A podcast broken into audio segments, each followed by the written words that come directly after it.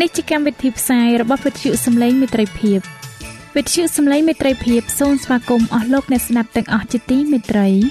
នាងខ្ញុំសេកសុចិន្តាវតីហើយខ្ញុំបាទអង្ចាន់វិជ្ជៈក៏សូមស្វាគមន៍លោកអ្នកស្ដាប់ទាំងអស់ផងដែរនៅពេលនេះយើងខ្ញុំមានសេចក្តីសុំមនស្សរីករាយដោយបានវិលមកជួបអស់លោកអ្នកនាងកញ្ញាអ្នកស្ដាប់សាជាថ្មីម្ដងទៀត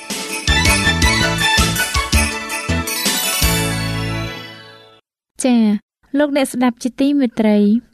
នាងខ្ញុំសូមគោរពអញ្ជើញអស់លោកលោកស្រីអ្នកនាងកញ្ញាតាមដានស្ដាប់កម្មវិធីផ្សាយរបស់វិទ្យុយើងខ្ញុំដូចតទៅ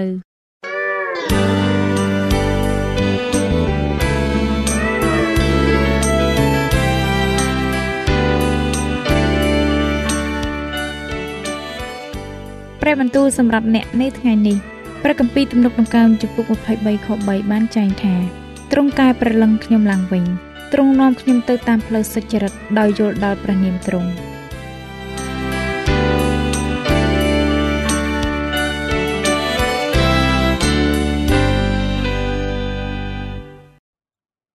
បាទខ្ញុំបាទសូមលំអរកាយគោរពនឹងជម្រាបសួរដល់អស់លោកអ្នកទាំងអស់គ្នាហើយសូមស្វាគមន៍អស់លោកអ្នកទាំងអស់គ្នាមកកាន់មេរៀនសបាស្គូលប្រចាំសប្តាហ៍ដែលមេរៀននៅសប្តាហ៍នេះមានចំណងជើងថា ការខ្លែងធ្វើជាព្រះ ប្រសិនបើលោកអ្នកចង់បានមេរៀននេះប្រើប្រាស់នៅលើទូរស័ព្ទដៃ Android លោកអ្នកអាចទាញយកមេរៀននេះតាមរយៈ Play Store ដោយវាយពាក្យថាខ្មែរសបាស្គូលមុននឹងខ្ញុំបាទជម្រាបជូននៅខ្លឹមសារនៃមេរៀនប្រចាំសប្តាហ៍នេះខ្ញុំបាទសូមអញ្ជើញអស់លោកអ្នកបានពិចារណានៅចំណុចមួយចំនួនដែលតាក់ទងជាមួយនឹងមេរៀននេះដូចតទៅតើសេចក្តីជំនឿត្រូវកើតមុនការប្រព្រឹត្តឬយ៉ាងណាតើសេចក្តីជំនឿមានលក្ខណៈខុសគ្នានឹងការប្រព្រឹត្តយ៉ាងដូចម្តេចដែរ ហេតុអ្វី បានជាមោទនភាពអាចផ្ដល់នូវគ្រោះថ្នាក់ដល់ជីវិតខាងព្រលឹងវិញ្ញាណរបស់យើងហេតុអ្វី បានជាមោទនភាពនេះពិបាកក្នុងការបោះបង់ចោលខ្លាំងម្ល៉េះអស់លោកអ្នកជាទីមេត្រី មានគ្រូកងវិលម្នាក់បានអធិប្បាយអំពីមោទនភាពឬភាពអំនួតនេះនៅពេលដែលគាត់បានបញ្ចប់នៅសេចក្តីអធិប្បាយរបស់គាត់ភ្លាមស្រាប់តែមានស្ត្រីម្នាក់ដែលបានស្ដាប់ការអធិប្បាយនោះនាងក៏បានមកជួបនិយាយជាមួយនឹងគ្រូកងវិលរូបនេះ នាងមានសេចក្តីជ្រួលច្រាននៅក្នុងចិត្តជាខ្លាំងនាងបានជម្រាបប្រាប់ដល់លោកគ្រូកងវិលនោះថានាងចាំបាច់ត្រូវតែសារភាពអំពីអំពើបាបដ៏អាក្រក់មួយ គ្រូកងវិលក៏បានសួរស្ត្រីនោះថាតើនាងមានអំពើបាបអ្វីដែរស្ត្រីនោះនិយាយថា គឺមោទនភាពខ្ញុំបានអង្គុយនៅមុខកញ្ចក់របស់នាងខ្ញុំមួយម៉ោងកាលពី2 3ថ្ងៃមុន ដោយស្ងើចសរសើរពីសម្រស់របស់ខ្ញុំ គ្រូកងវិលនោះបាននិយាយថា អូនោះមិនមែនជាអំពើបាបនៃអំនួតទេប៉ុន្តែនោះជាអំពើបាបនៃការឆ្លក់វង្វេងនិងអំពើបាបនៃការស្រមើស្រមៃទេលោកអ្នកប្រហែលជានៅចាំបាន ពីប្រភពនៃអំពើបាបអំពើបាបបានកើតនៅក្នុងចិត្តរបស់ទេវតាដ៏ខ្លាំងអស្ចារ្យមួយអង្គដែលមានឈ្មោះថា Lucifer ចាប់តាំងពីពេលនោះមកអំពើបាបបានក្លាយជាបញ្ហារបស់ទេវតា និងមនុស្សអាក្រក់ផងទាំងពួង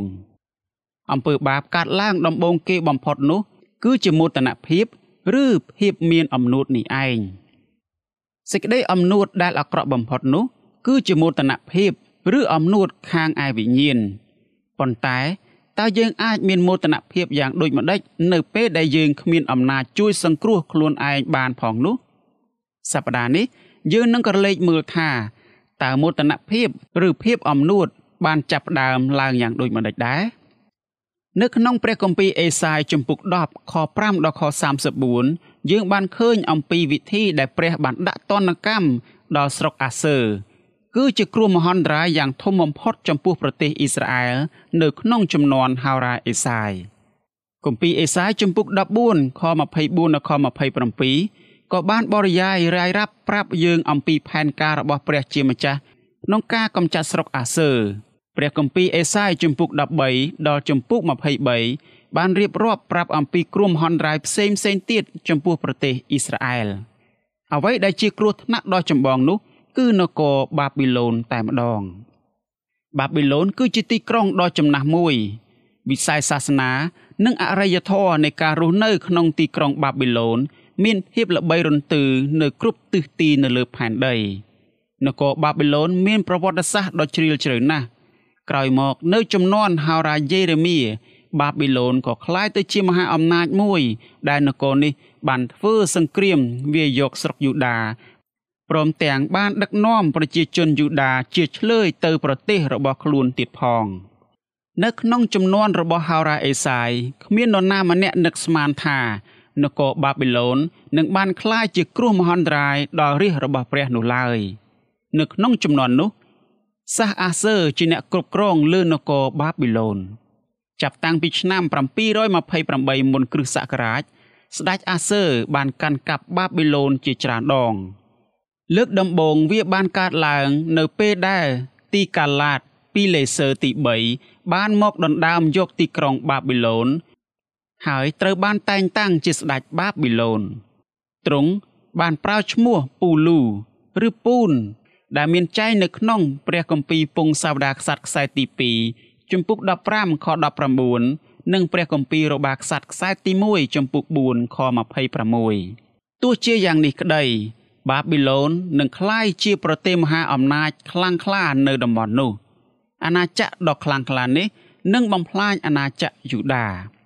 ហេតុអ្វីបានជាព្រះដែលមានពោពេញទៅដោយសេចក្តីស្រឡាញ់ធ្វើនៅរឿងទាំងនេះ ហេតុអ្វីបានជាទ្រង់អនុញ្ញាតឲ្យរឿងទាំងនេះកើតឡើងប្រកបណាស់មនុស្សស្លូតត្រង់ខ្លះក៏នឹងរងទុក្ខដែរព្រះគម្ពីរអេសាយជំពូក13ខ16បានចែងថា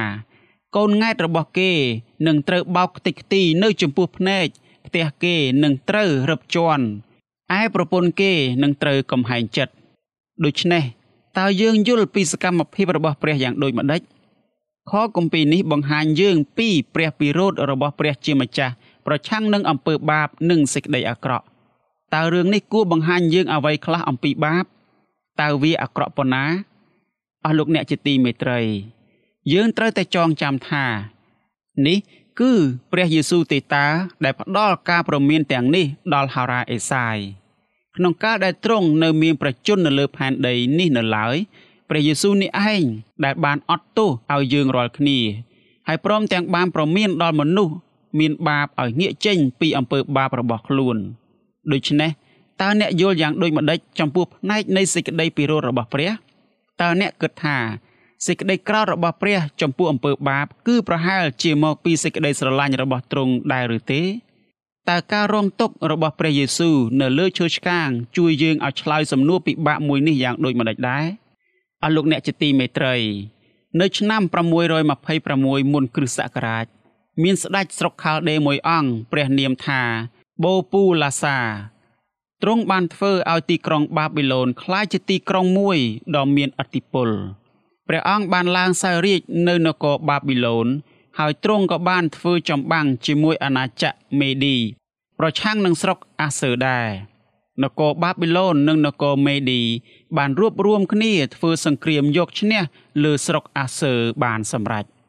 ព្រះរាជបុត្រារបស់ព្រះចៅណាបូពូឡាសា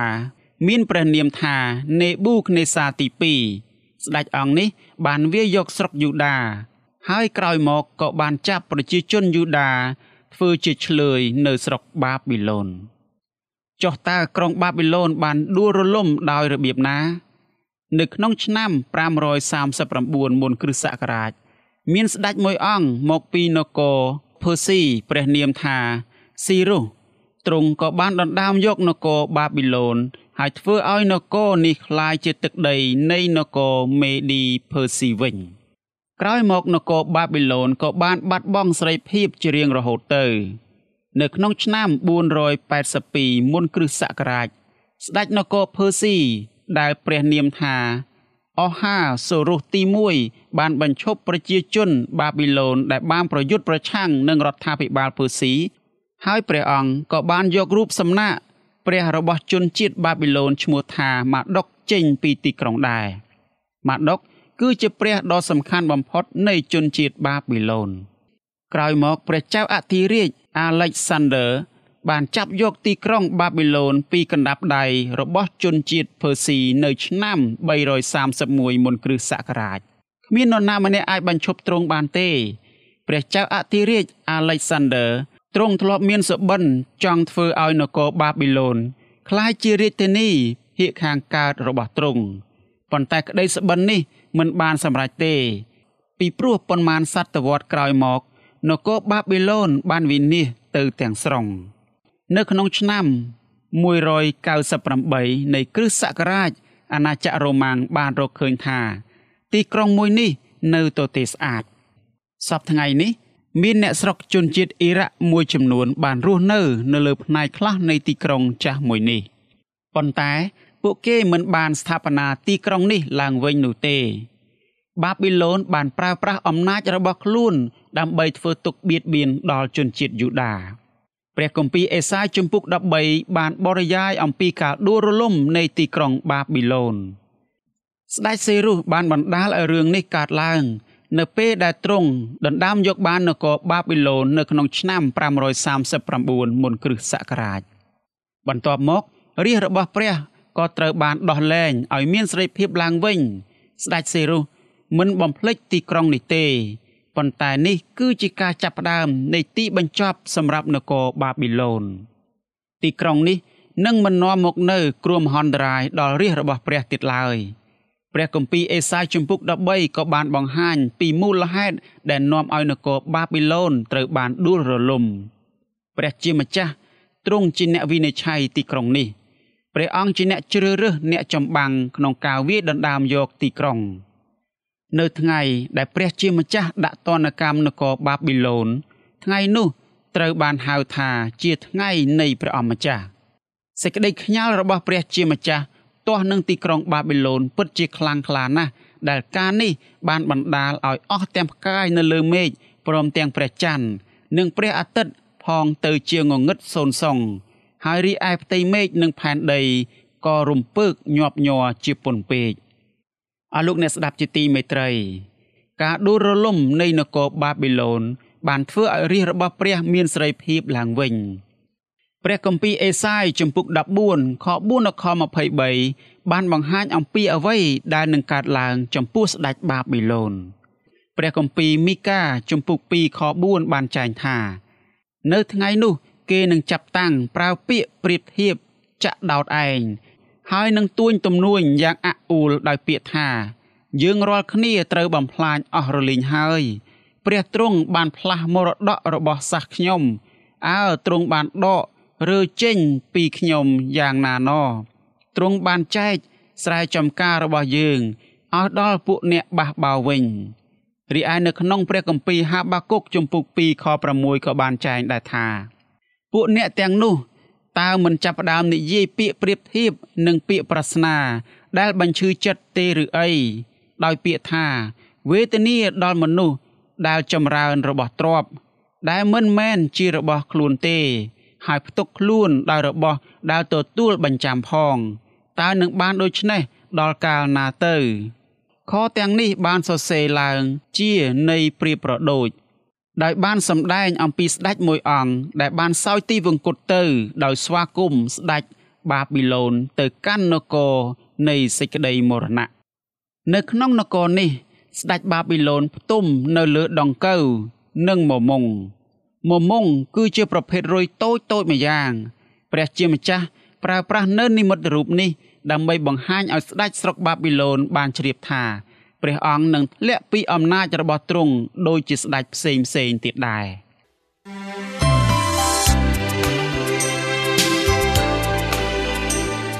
សេចក្តីជំនឿកើតឡើងដោយលឺ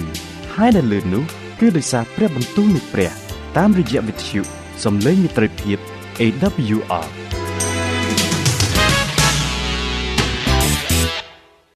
អស់លោកអ្នកជាទីមេត្រី ស្ដេចនគរបាប៊ីឡូនមានចិត្តពោពេញទៅដោយមោទនភាពដែលមានចែងនៅក្នុងព្រះគម្ពីរដានីញែលជំពូក4និងជំពូក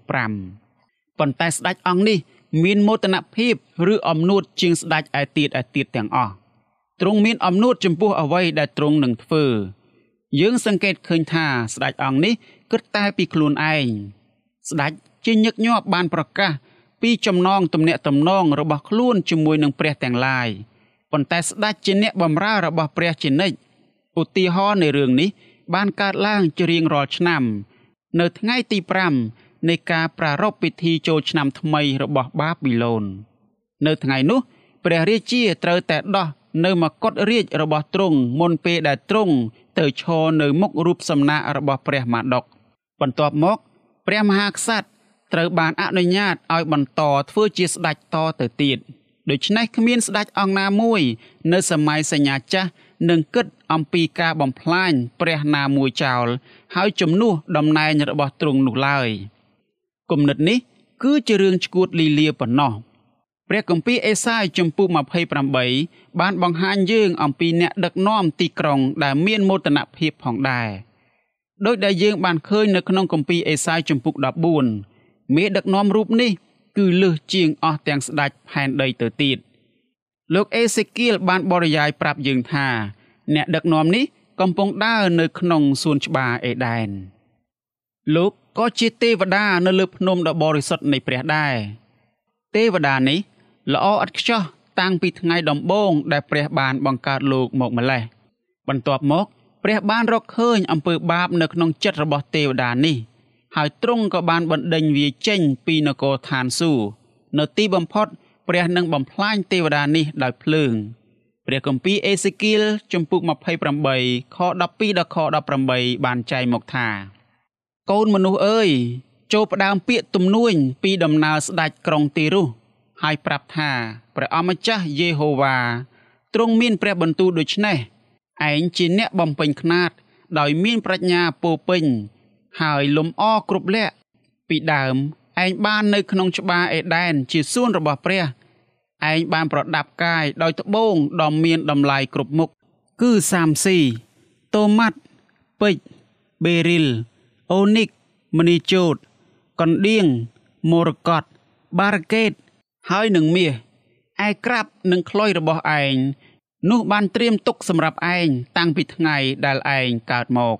ឯងជាជេរ៉ូប៊ីន ដែលបានចាក់ប្រេងតាំងឡើង ជាអ្នកក្របបាំងគឺអញបានតាំងឯងឡើងឲ្យឯងបាននៅលើភ្នំបរិសុទ្ធរបស់ព្រះ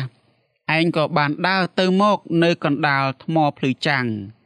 ចាប់តាំងពីថ្ងៃដែលឯងកើតមក នោះឯងបានគ្រប់លក្ខក្នុងគ្រប់ទាំងផ្លូវរបស់ឯងដរាបដល់វេលា ដែលឃើញមានសេចក្តីទុច្ចរិតនៅក្នុងឯងត្បិតដោយសារការជួញប្រែដ៏បរិបូរណ៍របស់ឯង នោះគេបានបំពេញឯងដោយសេចក្តីច្រឡោត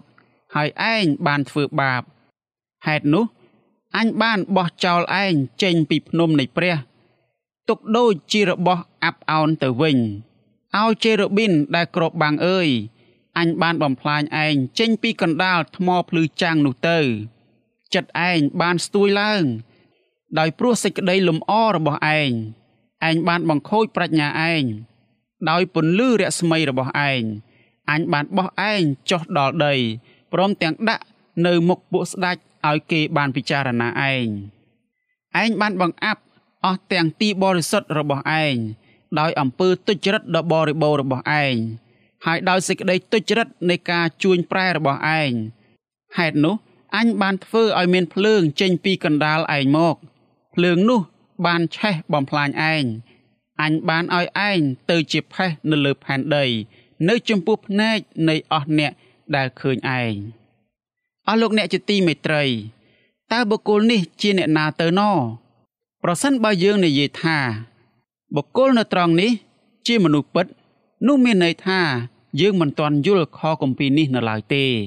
ព្រះគម្ពីរវិវរណៈចំពុក12ខ7ដល់ខ9យើងបានឃើញថា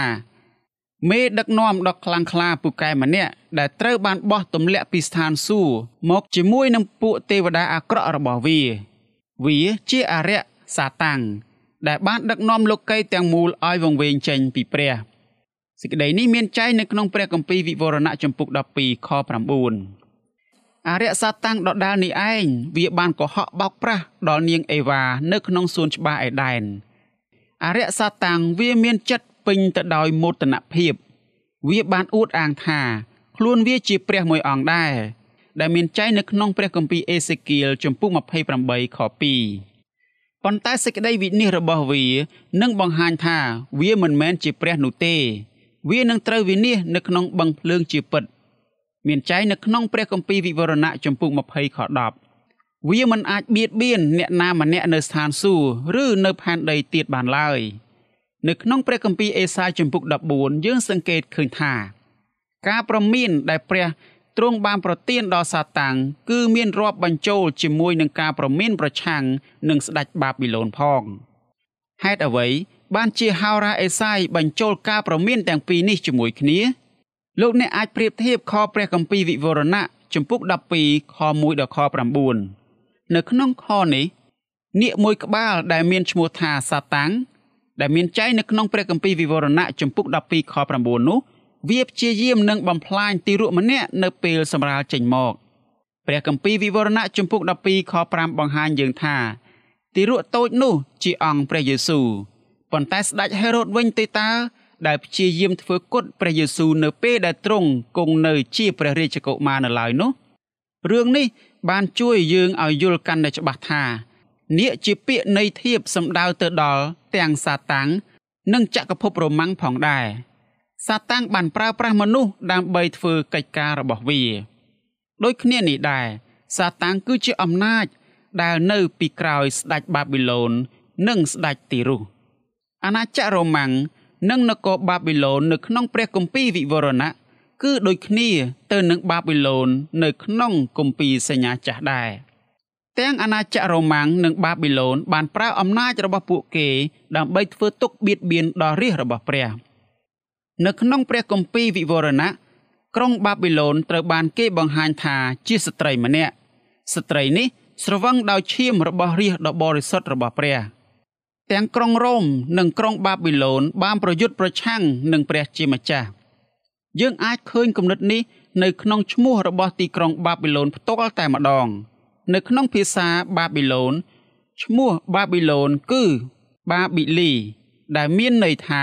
ច្រកទ្វារនៃព្រះ នេះបង្ហាញថា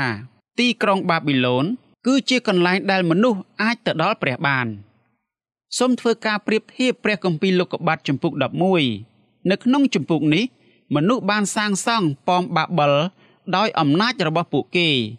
ពួកគេបានព្យាយាមឡើងទៅឲ្យខ្ពស់ដូចជាព្រះ ប្រសិនបើពួកគេអាចឡើងទៅដល់ឋានសួគ៌ពួកគេនឹងបានរស្មីនៃព្រះដូច្នេះពួកគេនឹងលែងត្រូវការការស្ដាប់តាមត្រង់ទៀតហើយលោកយ៉ាកុបបានសុបិនឃើញជណ្ដើរដែលតភ្ជាប់រវាងស្ថានសួគ៌និងផែនដី បន្ទាប់មកគាត់ក៏បានភ្ញាក់ឡើង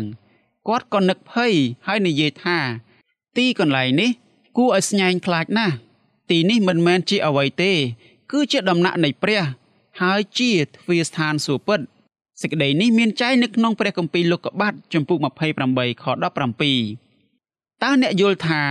ដំណាក់របស់ព្រះ គឺដូចគ្នាទៅនឹងទ្វារទៅឯស្ថានសួគ៌ដែរឬទេ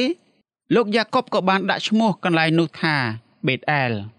បេតអែលមានន័យថា ដំណាក់របស់ព្រះ ច្រកទ្វារទៅស្ថានសួគ៌នៅបេតអែលនិងខ្លោងទ្វារនៃព្រះ នៅបាប៊ីឡូនគឺជាផ្លូវពីរផ្សេងគ្នា ដើម្បីចូលទៅចិត្តព្រះ កម្មចន្ទារបស់លោកយ៉ាកុបចុះមកពីស្ថានបរមសុខប៉ុន្តែបាប៊ីឡូនត្រូវបានសាងសង់ឡើងដោយមនុស្សដូច្នេះបាប៊ីឡូនគឺជាពាក្យប្រៀបប្រដូចសម្រាប់សាសនាคล้ายคล้ายទាំងអស់និងសម្រាប់មនុស្សដែលព្យាយាមឡើងទៅស្ថានសួគ៌ដោយទង្វើល្អរបស់ខ្លួនព្រះគម្ពីរអេសាយជំពូក24ដល់ជំពូក27បានសម្ដែងថា ព្រះនឹងវាយខ្មាំងសត្រូវរបស់ទ្រង់នៅគ្រាចុងបញ្ចប់ បន្ទាប់មកទ្រង់បានធ្វើឲ្យរាជរបស់ទ្រង់មានសេរីភាពជារៀងរហូត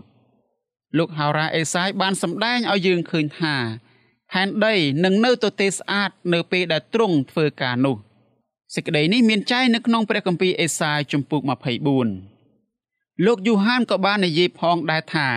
ផែនដីនឹងនៅទទេអស់រយៈពេល1000ឆ្នាំ បន្ទាប់ពីការយាងមកវិញជាលើកទី2ដែលមានចែងនៅក្នុងព្រះគម្ពីរវិវរណៈជំពូក20តើជំពូកទាំងពីរនេះនិយាយអំពីរឿងដូចគ្នាដែរឬទេព្រះគម្ពីរអេសាយជំពូក24ដល់ជំពូក27យើងបានឃើញថា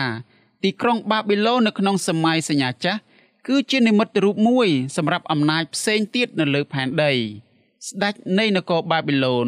គឺជានិមិត្តរូបមួយសម្រាប់មេដឹកនាំផ្សេងផ្សេងទៀតនិងសម្រាប់អស់អ្នកដែលត្រួតត្រាគេពលគឺជាអរិយសាតាំងផ្ទាល់តែម្ដងនោះហើយជាមូលហេតុដែលនគរបាប៊ីឡូនត្រូវដួលរលំនោះនោះសាតាំងនឹងត្រូវវិនិច្ឆ័យនៅរយៈពេល1000ឆ្នាំក្រោយពីការយាងមកជាលើកទី2ព្រះគម្ពីរវិវរណៈចំពុក20ខ10ព្រះជាម្ចាស់ បានបំផ្លាញនគរបាប៊ីឡូនក្នុងចំនួនសញ្ញាចាស់ដែលតនកម្មនោះត្រូវបានគេប្រសិទ្ធនាមថាថ្ងៃនៃព្រះអម្ចាស់ដែលមានចែងនៅក្នុងព្រះគម្ពីរអេសាយជំពូក13ខ6ហើយជាថ្ងៃដ៏ធំគួរឲ្យខ្លាចរបស់ព្រះជាម្ចាស់នឹងមកដល់អស់លោកអ្នកជាទីមេត្រីដូចគ្នានេះដែរលោកអេសាយក៏មានក្តីសុបិនមួយអំពីពេលវេលារបស់គាត់ដែលតាក់ទងជាមួយនឹង គ្រាអនាគតផងដែរនៅគ្រានោះព្រះយេហូវ៉ានៃពួកពលបរិវារទ្រង់សោយរាជនៅលើភ្នំស៊ីយ៉ូននាក្រុងយេរូសាឡឹមព្រះគម្ពីរអេសាយជំពូក24ខ23ពិតមែនហើយលោកអេសាយយល់ថាសុបិននេះ គឺនិយាយអំពីក្រុងយេរូសាឡឹមដែលគាត់ធ្លាប់ស្គាល់ប៉ុន្តែគម្ពីរវិវរណៈបានសម្ដែងថាសុបិននិមិត្តរបស់លោកហោរ៉ាអេសាយ គឺនិយាយអំពីទីក្រុងយេរូសាឡឹមថ្មីវិញទេតើដែលមានចែងនៅក្នុងព្រះគម្ពីរវិវរណៈជំពូក21ខ2ទីក្រុងនោះនឹងមិនត្រូវការព្រះអាទិត្យឬព្រះច័ន្ទទេ ពីព្រោះសេរីរុងរឿងរបស់ព្រះជាម្ចាស់នឹងបំភ្លឺក្រុងនោះវិញ កូនជាម គឺជាចង្គៀងបំភ្លឺដល់ទីក្រុងវិវរណៈចំពុះ21ខ23តើព្រះអម្ចាស់ពិតជានឹងបំផ្លាញមនុស្សអាក្រក់ ដែលមិនព្រមងាកចេញពីអំពើបាបរបស់ខ្លួន ដើម្បីឲ្យបានសង្គ្រោះដែរឬទេព្រះគម្ពីរអេសាយចំពុះ28ខ21បានចែងថាពីព្រោះព្រះយេហូវ៉ាទ្រង់នឹងក្រោកឈរឡើង ដូចជានៅត្រង់ភ្នំពេរ៉ាស៊ីមទ្រង់នឹងមានសេចក្តីក្រោធដូចជានៅក្នុងច្រកភ្នំកេបៀនដើម្បីឲ្យទ្រង់បានធ្វើការរបស់ទ្រង់គឺជាការយ៉ាងប្លែកហើយនឹងសម្រេច កិច្ចរបស់ទ្រង់គឺជាកិច្ចយ៉ាងប្លែកលោកអេសាយបានបរិយាយប្រាប់យើងថាព្រះជាម្ចាស់ទ្រង់នឹងធ្វើការរបស់ទ្រង់គឺជាការយ៉ាងប្លែកហើយនឹងសម្រេចកិច្ចរបស់ទ្រង់គឺជាកិច្ចយ៉ាងប្លែកព្រះពន្ធកិច្ចដែលទ្រង់ត្រូវបញ្ចប់ គឺជាពន្ធកិច្ចបំផ្លាញមនុស្សអាក្រក់តែហេតុអ្វីបានជាការងារនេះ ជាការដ៏ចម្លែកពីព្រោះព្រះមិនចង់ធ្វើការនេះនោះទេ ទ្រង់ជាអ្នកកំណត់វាសនាចុងក្រោយលើជីវិតនិងសេចក្តីស្លាប់អស់លោកអ្នកជាទីមេត្រីតើយើងទទួលសេចក្តីសង្គ្រោះដោយសារលក្ខខណ្ឌមែនដែរឬទេ យើងមករកព្រះគ្រីស្ទមិនមែនដោយសារតែលក្ខខណ្ឌណាមួយនោះទេ ហើយចុះប្រសិនបើយើងមកឯព្រះគ្រីស្ទហើយនោះតើបន្ទាប់មកមានលក្ខខណ្ឌអ្វីខ្លះឯលក្ខខណ្ឌនោះគឺថាយើងរាល់គ្នាត្រូវតែរស់នៅ ប្រកបដោយសេចក្តីជំនឿ ហើយត្រូវពឹងផ្អែកទាំងស្រុងទៅលើព្រះគុណនៃព្រះលោហិត របស់ព្រះអង្គសង្គ្រោះដែលបានពលិកម្មនៅលើឈើឆ្កាង និងមានប្រជញ្ញរស់ឡើងវិញ កាលណាដែលយើងប្រតិបត្តិតាម នោះយើងកំពុងបំពេញការនៃសេចក្តីសុចរិតហើយប៉ុន្តែនៅគ្រាដែលព្រះអម្ចាស់ទ្រង់កំពុងត្រាស់ហៅរកមនុស្សមានបាបនៅក្នុងលោកីយ៍នេះទ្រង់បានអំពាវនាវរកគេដោយគ្មានលក្ខខណ្ឌអ្វីសោះឡើយមនុស្សទាំងឡាយ ត្រូវបានទាញនាំឲ្យមករកព្រះតាមរយៈការដង្ហោយហៅរបស់ព្រះគ្រីស្ទ